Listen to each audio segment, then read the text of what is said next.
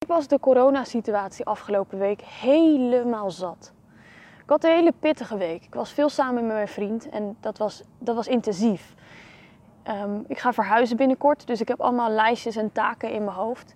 En er kwam een deadline aan van school waar ik toch ook wel een beetje stress van had. Heel veel dingen die tegelijk aandacht van mij vroegen. En aan het einde van de week was ik eindelijk even helemaal alleen. De eerste dag dat ik alleen was, was super lekker. Ik, ik was lekker met mezelf aan het genieten van de rust. Ik draaide een wasje en ik las een boek.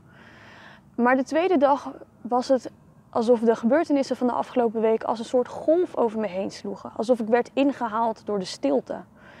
En ik probeerde de stilte te vermijden om de onrust in mijn hoofd niet te hoeven voelen. Maar dat kan natuurlijk niet, want corona. Ik, ik kan niet zomaar de straat op. Ik kan niet bij vrienden gaan eten of naar mijn ouders toe of naar school. Ik was de coronasituatie helemaal zat en ik wou dat alles weer gewoon normaal was. En weet je wat ik toen deed? Ik riep mezelf tot de orde. En ik zei, Nelleke, even, even stilstaan. Wat, wat doe je? Wat, wat vind je belangrijk?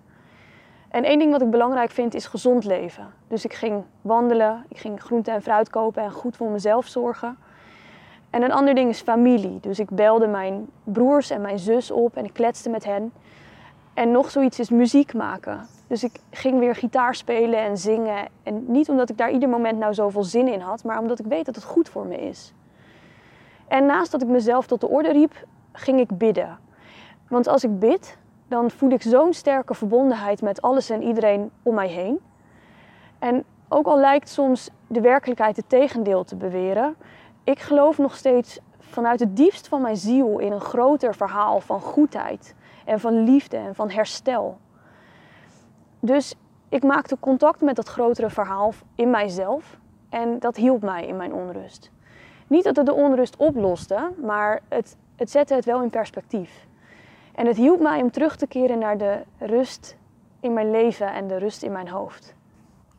When you don't move the mountains, I'm needing you to move. When you don't part the waters, I wish I could walk through.